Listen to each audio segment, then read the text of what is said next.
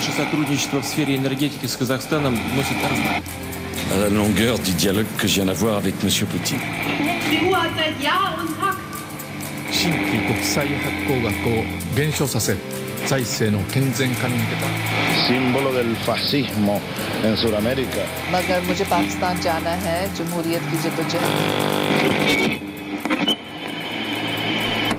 Libanon er nasjon splitta av etniske og religiøse differanser. Den lille nasjonen som ligger ved Middelhavet, ligger inneklemt mellom konfliktfylte områder med naboland som Israel og Syria. For mange av flyktningene er Libanon første og siste utvei for håpet om et mer verdig liv. Libanon har en historie preget av uroligheter, kriger med naboland og opplever nå høy arbeidsledighet og store flyktningstrømmer fra Syria. Hvorfor har ikke den libanesiske staten falt sammen? Hvorfor ble det ingen opptøyer i Libanon da andre arabiske land opplevde store opptøyer i 2011? Hvordan har Libanon klart å forbli en nasjon med relativt stor frihet og en fungerende kapitalistisk økonomi? Er Libanon en av de siste frie statene i en region prega av krig og konflikter? Du lytter nå til utenriksmagasinet MIR her på Studentradioen i Bergen. I dagens studio er Håvard Lid og Truls Moltebakk. Mitt navn er Daniel Gangeskar, og jeg skal lose dere trygt gjennom den neste timen, som skal handle om Libanon. Mir var en sovjetisk romstasjon som i utgangspunktet var bygget for å vare tre år. Den varte til sammen 16. Som sin navnebror strekker utenriksmagasinet Mir seg ekstra langt for å gi deg det beste utenriksstoffet. Libanon, en nasjon betydelig mindre enn Norge i arealflate, men med samme innbyggertall. En nasjon med en rik historie. Og Truls, for at vi skal forstå Libanon litt bedre, gi oss en liten recap på deres historiske fortid. Ja, det har bodd folk her i tusenvis av år. Eh, Det er et sted med veldig mye historie, men vi kan si at eh, i mange hundre år fram til Første verdenskrig var en del av det ottomanske riket, men så gjennom første verdenskrig, gjennom en avtale mellom Storbritannia og Frankrike, så fikk altså Frankrike det som i dag er Libanon og Syria, og valgte å dele opp Libanon som en, en fristat for andre en del kristne i Midtstø- Midtøsten. da. Men det kan vel trygt sies at selv om Frankrike eh, gikk ut litt senere av Libanon og Syria, så har ikke det bare vært fred og fordragelighet i eh, Libanon etter den tid, eh, Håvard. Nei, de har hatt veldig mange konflikter, spesielt med nabolandene sine. De grenser til Israel i sør, og nord og øst så grenser de til Syria. Her har det vært flere kriger, bl.a. blant annet da krigen i 48, der alle arabiske land var med mot Israel, eh, og senere veldig mange kriger og konflikter med Syria. Men, men er det en, noen religiøse linjer, som eh, nei, noen historiske linjer som gjør at Libanon har, har havna i et slags konfliktfylt eh, område, Truls? For det første så er jo en, en ekstremt vanskelig posisjonering som Håvard var inne på mellom Syria og Israel. Men det er også det her med at Libanon har et ufattelig religiøst mangfold. Det er snakk om 18 offisielle religiøse grupperinger, 11 kristne, 7 muslimske. Det er omtrent 50-50 mellom kristne og muslimer i Libanon i dag, men det er ufattelig sammensatt, og det er jo et grunnlag for konflikt. Vi skal jo komme litt tilbake til seinere hvordan Libanon skiller seg ut i forhold til, til resten av nasjonene i eh, Midtøsten i dag. Men, men vil du være enig, Håvard, at, at Frankrikes tanke om Libanon som et slags fristed for kristne har, har fungert? Da, da disse tankene var, så var jo, lagde man Libanon som, eh, med et kristent flertall, altså over 50% kristne. Det har jo nå sunket til rundt 40. Så man ser nå at det stiger, den muslimske befolkningen stiger, og andre enn en da de som er kristne. Eh, Og det gjør jo noe med balansen. Kan man rettferdiggjøre å ha en kristen stat der ikke flertallet er kristne?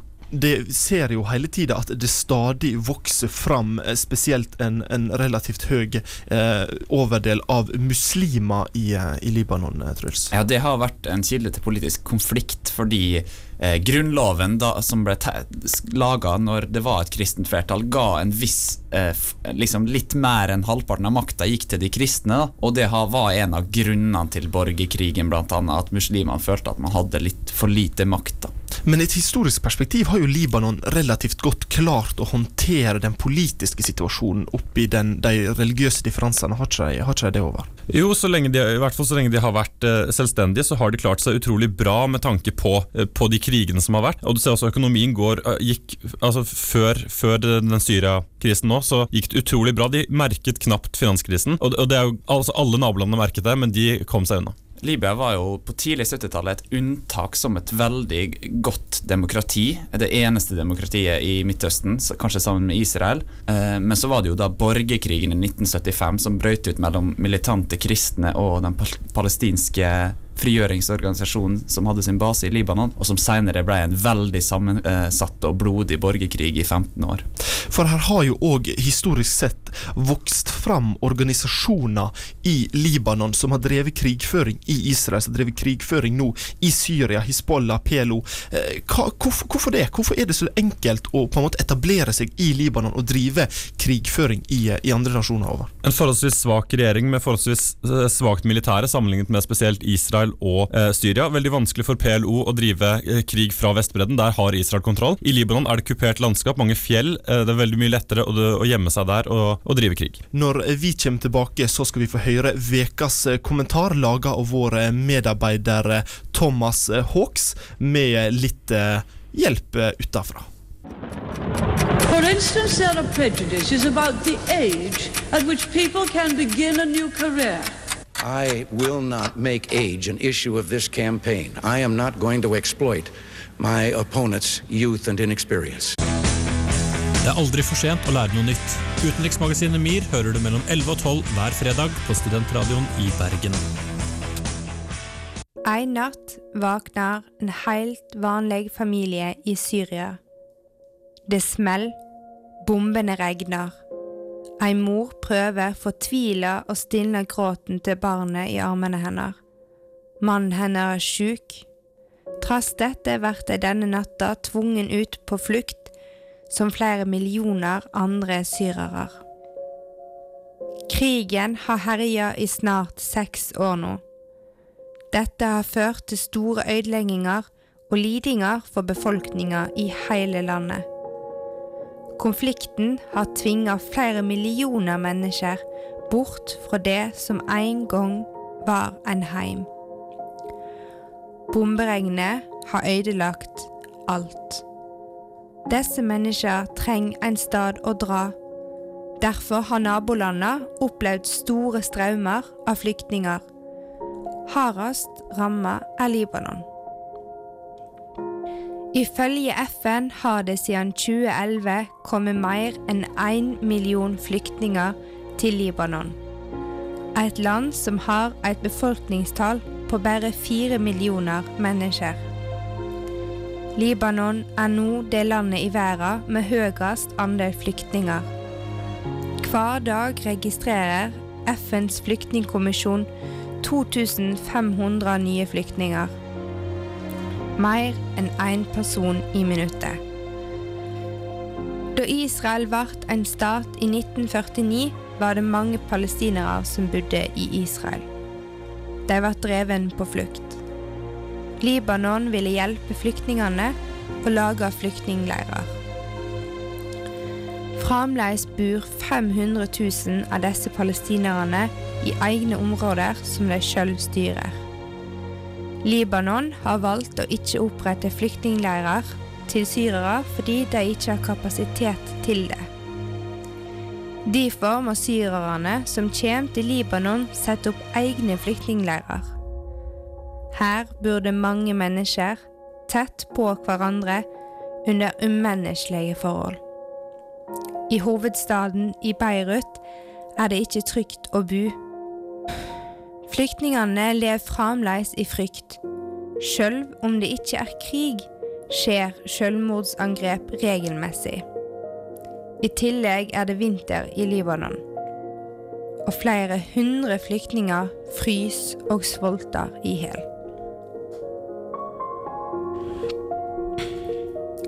For mora som flykta med den syke mannen og barna deres, var ikke tilværet i Libanon noe enklere. De flykta fra krig og forferdelige forhold. Livet var så uutholdelig at mora ikke så annet råd enn å avslutte det. Hun tente fyr på seg sjøl utenfor FNs hovedkvarter i Libanon fordi de kutta ned på støtta til flyktninger. Men det er håp for flyktningene i Syria. FN-kommisjonen har nå starta opp et helt nytt tilbud til flyktninger. Tanken er at de skal få et eget bankkort. Kortet blir fylt med penger månedlig. Det er slik at de skal kunne kjøpe det nødvendigste, og at de kan forvalte pengene sine direkte, uten at de får ting gjennom en hjelpeorganisasjon. Forsøkene som er gjort med dette, syner at det har en positiv verknad på lokalsamfunnet. Ved at butikker og andre virksomheter kan tjene på flyktningene i stedet for at de blir en byrde. Dette er et vendepunkt i flyktningkrisa. Det kan stimulere økonomien og skape vekst i noen av verdens fattigste land.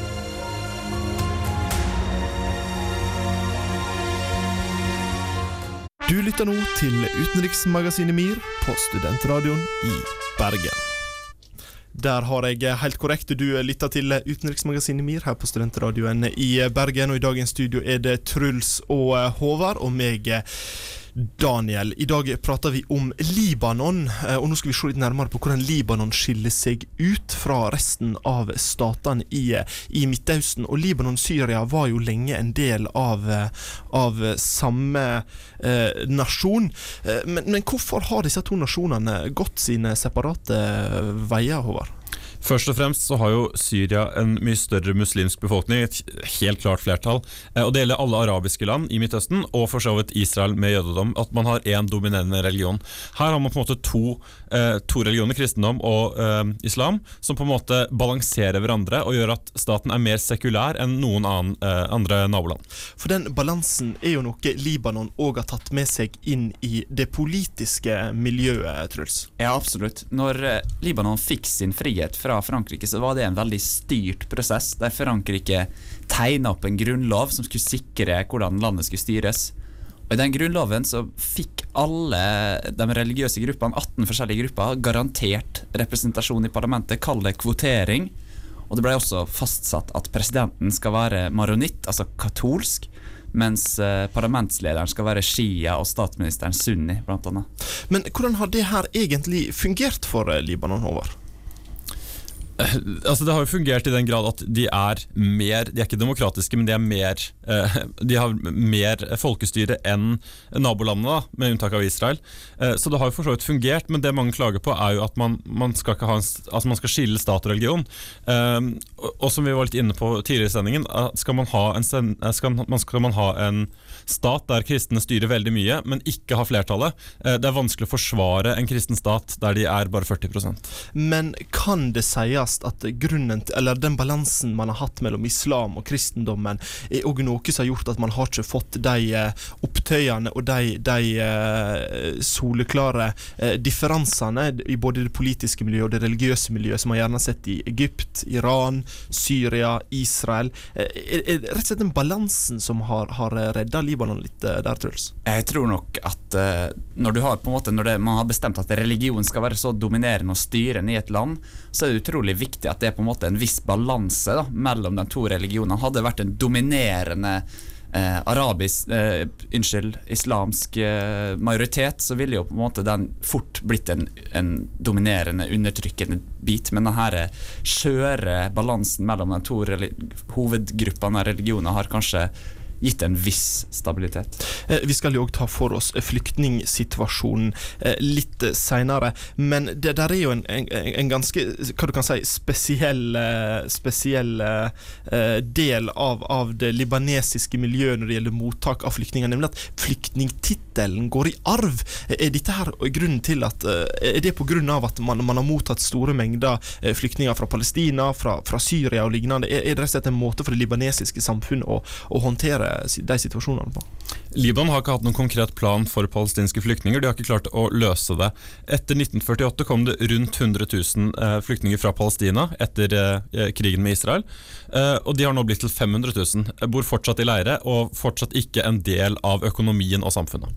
For Det er jo mange som frykter at når det nå kommer en stor andel syriske flyktninger, så vil det òg øke den muslimske andelen i Libanon. Og da er det jo mange som frykter at den balansen man har hatt mellom kristendom og islam, vil bli viska ut ut? Og Er det noe som kan, kan gjøre at, at, Libanon blir kasta ut i litt samme urolighetene som resten av regionen? Truls? Ja, så Den pakten man har i dag, sørger for at halvparten av parlamentet tilhører kristne og halvparten muslimer. Og det er jo vanskelig for muslimer Det er greit å akseptere når det er omtrent halvparten av landet som er kristne og halvparten av befolkninga som er muslimer, men det kan være vanskelig hvis man nå får inn en million syrere som får statsborgerskap, f.eks. Ville det jo vært vanskelig å akseptere at en stor majoritet bare skal ha halvparten av politiske makter. Når vi kommer tilbake, skal vi se litt nærmere på hvorfor oppstår det ingen arabisk vår i Libanon. Hei, dette er forsvarsminister Ine Eriksen Søreide. Du hører på utenriksmagasinet MIR. Vi husker alle tilbake til 2011 og begynnelsen på den arabiske vår. Den arabiske vår fungerte ikke som man hadde håpa. Vår ble sumar, sumar ble høst, og til slutt ble det en lang, lang vinter. Og Truls, hvorfor opplevde ikke man en arabisk vår i Libanon? Det viktigste er jo kanskje at Libanon har, i motsetning til f.eks. Syria, Tunisia, Egypt, har man ikke hatt en lang, lenge sittende diktator i Libanon. Man har hatt et slags demokrati, et, et sånn halvveis fungerende demokrati der man har hatt mulighet til å klage, og der det har vært en viss politisk diskusjon og prosess. da. Er det bare det som har, har stoppa det, Håvard? Det er altså graden av militarisering i samfunnet. Egypt har et enormt militære, sammen med Syria. Syria har også et fraksjonert militære. Det vil si at man har, altså Assad stolte ikke på sitt militære, så han hadde i tillegg sin egen hær. Libanon har ganske lite, forholdsvis lite militære, og det er ikke samme, eh, det er ikke samme undertrykte um, befolkningen.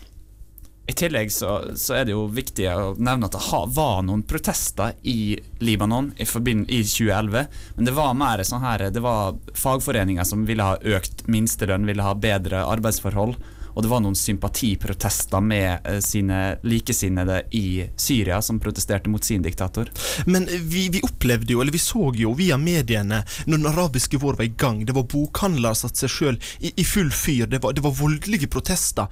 Likevel så gikk Libanon relativt skjerma fra det, Håvard. Ja, og det viser jo kanskje at de er altså De, er, de scorer veldig bra på uh, Human Development Index. De har en ganske god økonomi, og straks du har altså økonomisk vekst, så går alt lettere. Det hadde jo ikke disse landene som opplevde eh, opptøyer. Det var veldig dårlig økonomi, som igjen leder til politisk eh, ustabilitet. Men er det rett og slett det som ligger som grunnpilaren her. Man har ei, kapitalistisk holdning til økonomi. Man har litt mer friheter i en rekke andre nasjoner. Og man har litt det som vi prata om tidligere, den balansegangen mellom eh, religiøse ideologier, Truls? Ja, til en viss grad. Og så svarte i hvert fall ikke styresmaktene i Libanon med å skyte. Og da brøt jo ikke ut noen, noen væpna konflikt, heldigvis. For det finnes jo militante grupper i Libanon, og det kunne gått ille. Og så skal vi være veldig glad for at de ikke gjorde det, for Libanon har tatt imot over én million flyktninger fra Syria. Det hadde vært en enorm humanitær katastrofe om også Libanon hadde opplevd det samme som i Syria. Det som også må nevnes her, er jo ytringsfrihetssituasjonen.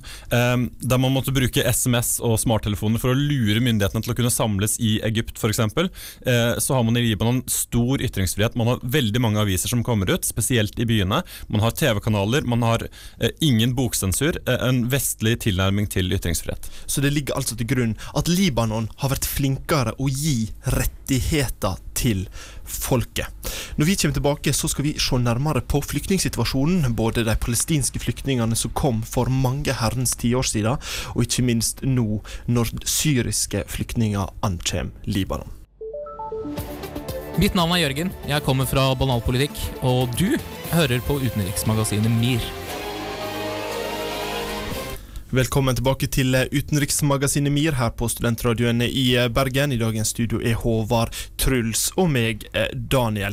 Som vi har snakka litt om tidligere, så har jo Libanon nå havna i flere tiår i en situasjon hvor man har mottatt store andeler flyktninger, og det hele begynte vel med de palestinske flyktningene, Håvard? Da man oppretta Israel, så gikk alle nabolandene til krig mot Israel. Eh, var uenig i det.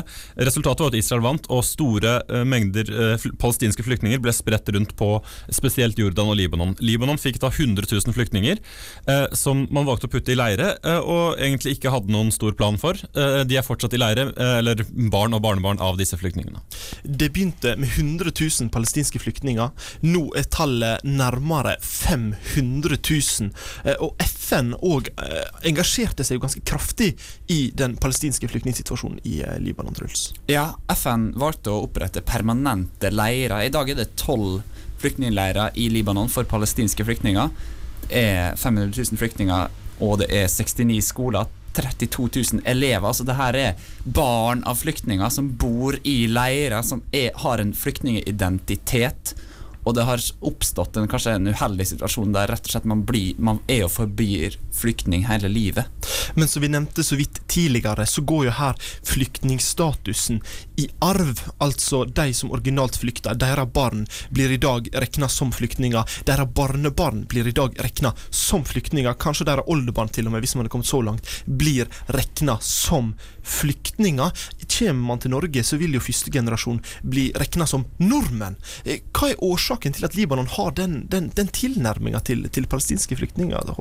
Det, det, er ganske utrolig. og Hvis du tenker på en, en polakk som flykta til eh, Tyskland etter andre verdenskrig, så er ikke han flyktning i dag. Han er jo tredje generasjons tysker. Um, Libanon vil jo ikke ta imot eh, eh, palestinerne. De, de, vil ikke ta den økonomiske byrden, og det vil eh, skape en skjev balanse. Eh, du snakka om kristendom og islam i stad. Eh, på Vestbredden har de ikke mulighet til å ta de tilbake. Eh, de, har, har, ikke råd eller plass. Israel har ingen interesse av dette. her, eh, Og heller ingen andre naboland har lyst til å ta imot palestinere, så det er et problem. Man, vet, man vil ikke ha dem selv, og man kan ikke sende dem vekk. Derfor lager man flyktningleirer. Det interessante er å se på hvordan regjeringa i Libanon velger å løse flyktningsituasjonen med syrerne som har kommet siden 2011. Der er jo eh, regjeringa i Libanon tydelig på at vi skal ikke ha noen flyktningleirer. Det har man nekta. FN er enig. De mener at uh, flyktningleirer er en siste løsning. Og ut ifra våre tall så er altså omtrent 80% av syrere leier sin egen bolig i Libanon. Og det blir jo regna til å være tall rundt 1,8 millioner syriske flyktninger i Libanon i dag. Og det her er en nasjon med et mindre areal enn Norge, men med det samme folketallet noenlunde.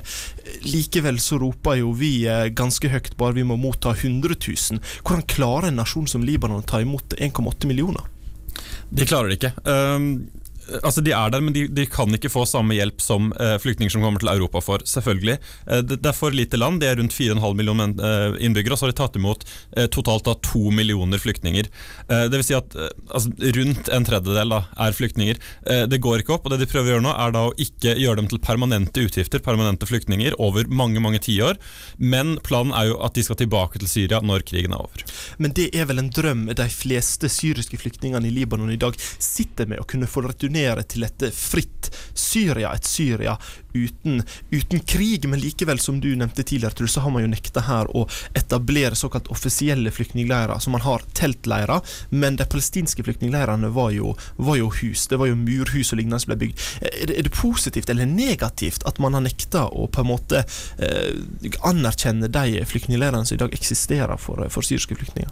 Altså, Man vil jo selvfølgelig unngå den palestinske situasjonen som har vært i Libanon. Det kan ta tid før det blir fred i Syria. Og så er det jo en, en, bakside av det hele. Det har vært en viss suksess, men det er også en bakside. Vi, jeg leste et intervju med en mann, en syrisk flyktning, som måtte leie veldig dyre telt. Mye dyrere enn hva det ville kosta en hjelpeorganisasjon. Og som noen dager får han jobb på en åker, tjener 10 euro, og det er så vidt man klarer å overleve. Det er en bakside av medaljen også. Når vi kommer tilbake, skal vi snakke med Gjermund Klausen Bekkelien fra Unge Venstre, som ikke for så lenge siden var i Libanon og opplevde disse flyktningleirene på nært hold. Hei, det er Marte fra Jentegarderoben. Du hører på utenriksmagasinet Nyere.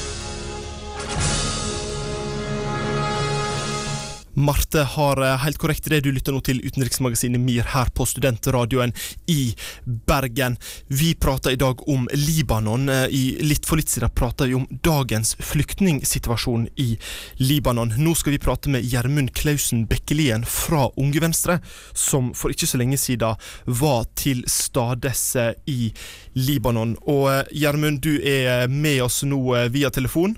Det er jeg. Hei, hei. Hei, velkommen skal du være. Unge Venstre var jo for litt siden i Libanon og så jo blant annet da, eller opplevde tre flyktningleirer. Kan du fortelle litt om hvordan den opplevelsen var?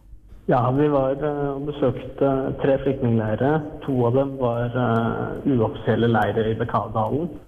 Det er altså teltleirer med syriske flyktninger som ikke drives av Libanon, og som ikke drives av FN, men som bare har blitt til eh, fordi det er behov for dem. Og så besøkte vi en mer permanent palestinsk flyktningleir eh, som ligger i Beirut, eh, som heter Shatila. Den leiren har jo stått oppretta siden 1948, med 15, i dag 15 000 palestinske flyktninger og 25 000 syriske flyktninger. Vi må jo her snakke om ganske så komslige forhold? Det er uh, ganske utrolig hvordan, uh, hvordan, hele den leiren måtte finnes. Vi var der og, og, så oss rundt og snakket med folk. Og vi møtte en mann som har bodd der hele livet. Han ble født i 1952 og er i dag 64 år. Og har, har ikke bodd andre steder enn leiren der. Selve leiren er i motsetning til de teltleirene vi besøkte i Bekadalen så er det murbygninger, men forholdene er ganske dårlige. Men, men hvordan, hvordan, er opplevelsen for de som sitter der? Hvordan opplever de at dette der er det man har kjennskap til? At man, man, man er født og oppvokst i en, i en eh, flyktningleir? Nei, altså De får jo livene satt på vent. Det er jo, De får ikke jobbe, og de får liten utdanning og har uh, ingen, ingen rett til å bevege seg noe særlig utenfor den flyktningleiren. Så han, eh, han, vi snakket med, sa jo det at de lever, men de lever bare fordi de ikke er døde. Altså det er, ingen, det er ikke noe liv. Men dette her er jo snakk om personer som sitter uten økonomisk støtte, og man er, man er rett og slett avhengige av frivillige hjelpeorganisasjoner. Er dette her et, et, liv et menneske kan leve over tid? Nei, det er jo ikke det. Det er uh, ikke, ikke uh, nok ressurser, og det er ikke ikke noe liv å leve, et liv på vent sånn. Og det er også derfor det ikke, ikke utelukkende hjelper eh, å bare eh, hjelpe i nærområdene. Fordi man kan ikke tillate at de flyktningleirene vi ser i dag, eh, blir til permanente leirer, sånn som Shatila har blitt. Men veldig kort nå på slutten her. Tror du at, at, det er en mulighet for at de som er født i leirene, vil få kunne returnere til sine, sine heimland en gang? En vakker dag så håper jeg det skjer, men uh, i tilfelle med denne 64 år gamle mannen, så kommer han nok til å dø i, i den leiren han ble født i. Og Det var en ganske klar på selv òg. Mm. Tusen hjertelig takk for at du kunne være med oss i dag, Gjermund Klausen Bekkelien fra Unge Venstre. Så du kan mye om norsk politikk? Hva med Saudi-Arabia? Hva med UAE? Hva med Kuwait? Hva med uh, hele Latin-Amerika? Hva med hele Sør-Amerika? Hva med hele Asia? Hva med Japan? Hva med Kina? Hva med Russland?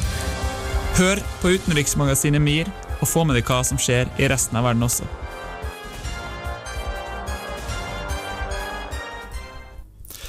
Vi har i dag prata om Libanon og litt om dagens situasjon, men òg i en historisk kontekst. Eh, så helt på slutten her, hvor går veien videre for eh, Libanon, Håvard? Det mest prekære er jo å løse flyktningsituasjonen. Én eh, av tre i Libanon er flyktninger, altså de skal enten integreres i Libanon eller dra tilbake til Syria og Vestbredden. Så finne en løsning på det. Noen må nok bli, det er urealistisk at alle drar tilbake, så da må Libanon finne en god måte å integrere dem på. Eh, og da skaper det igjen problemer for det politiske systemet, der man har eh, fordelt eh, makten mellom kristne og muslimer. Men er, er, er, det en mulighet Truls, for at man kan få til et lignende kvoteringssystem både med palestinerne og syrerne i det politiske miljøet i Libanon? Altså Å få dem inn med statsborgerskap, stemmerett, aktive deltakere? Ja, få dem inn på kvotering i systemet, både med mulighet for å kunne oppnå maktposisjoner, men òg å kunne få delta i samfunnet. Skal de bli så permanent, så, så, mener jo selvfølgelig vi at det er den eneste løsninga. Men så hvordan skal man håndtere den skeivheten som blir mellom kristne og, og den muslimske majoriteten? Det er et spørsmål. Men vi ser jo her i historisk kontekst at Libanon har ganske godt klart å håndtere eh, en, en kristen del, en muslimsk del, flere etnisiteter, altså 18 offisielle religioner. Man har tidligere klart det. Hvorfor skal det være så umulig å få til med Palestina og Syria? Jeg tror nøkkelen er den balansen man har hatt. Man har hatt to så store deler at det ikke den ene blir undertrykt. Man ser jo f.eks. Skrekkeksempelet er jo da Egypt, der 10% av befolkningen er koptisk kristne og blir undertrykt på nær sagt alle deler av samfunnet. Men, men er, det, er, det, helt umulig å få til i Libanon, Truls? Det er det jo ikke. Eh, en nøkkelting er jo økonomien. Altså Har man økonomisk vekst Klarer man å skaffe, tilfredsstille folk sine behov, de mest prekære behovene, så er det jo grunnlag for optimisme. Men hvis det blir mye fattigdom, hvis det blir store ulikheter og et kaos og et svart arbeidsmarked med mange flyktninger, så er det jo klart at det er grobunn for konflikt. Men eh, ligger Libanon nå i en slags risikoposisjon hvor man kan ende opp som Israel, som Syria, som Iran, som Irak, eh, med, med, med store konflikter mellom, altså innad i, i, i nasjonen? Jeg tror mange kjenner på den frykten, og mange tenker nok også at eh, det to millioner syrere tar også med seg en del eh, problemer fra Syria. De har på en måte skapt enorme konflikter innad i landet. Hva om dette skjer i Libanon? Hva om f.eks. IS begynner i Libanon, som de ikke har gjort ennå? Eh, det er mange sånne spørsmålstegn, og akkurat nå så ser det jo ut som det er forholdsvis fredelig, men jeg tror flyktningene blir veldig upopulære straks det begynner med noen sånne konflikter. Men, men som Håvard nevnte tidligere, Truls, så, så har jo, har jo Libanon Libanon eh, håndtert eh, disse situasjonene på en relativt god måte før. Hvorfor er det så umulig å få det til? Det er jo ikke umulig, men det er enormt mange mennesker. Det er enormt mange flyktninger. Og jeg tror nok at eh, nødhjelp er selvfølgelig viktig. Altså, det er mennesker i svært prekære, umiddelbare behov. Og i tillegg så blir jo en viss bistand til, til, videre økonomisk utvikling viktig, for det er potensiell for en, en bo, ny borgerkrig i Libanon eksisterer, og det vil være en enorm katastrofe som det er bedre å hindre før den skjer. Helt uh, på slutten her, Håvard. Er du redd for at Libanon enten står overfor en ny borgerkrig, eller at de opplever den libanesiske staten til å kollapse? Jeg tror den kommer til å forandre seg som den har vært, men jeg tror ikke den kollapser. Det er helt andre forutsetninger enn Syria. Blant annet så har de ikke det diktaturveldet som Assad hadde. Eh, så gjelder det å håpe at, at, situasjonen holder seg fredelig, og at man finner eh, at Syria-konflikten selvfølgelig går fort over, og at man eh, finner ut skal man integrere eller skal man sende tilbake flyktninger. Bare tida og veien kan vise oss resultat i Libanon. Mitt navn er Jørgen, og mens du sitter der og koser deg med det beste utenriksstoffet studentradioen har å tilby, sitter jeg i produsentboden og prøver å finne ut hva i all verden jeg skal gjøre med livet mitt.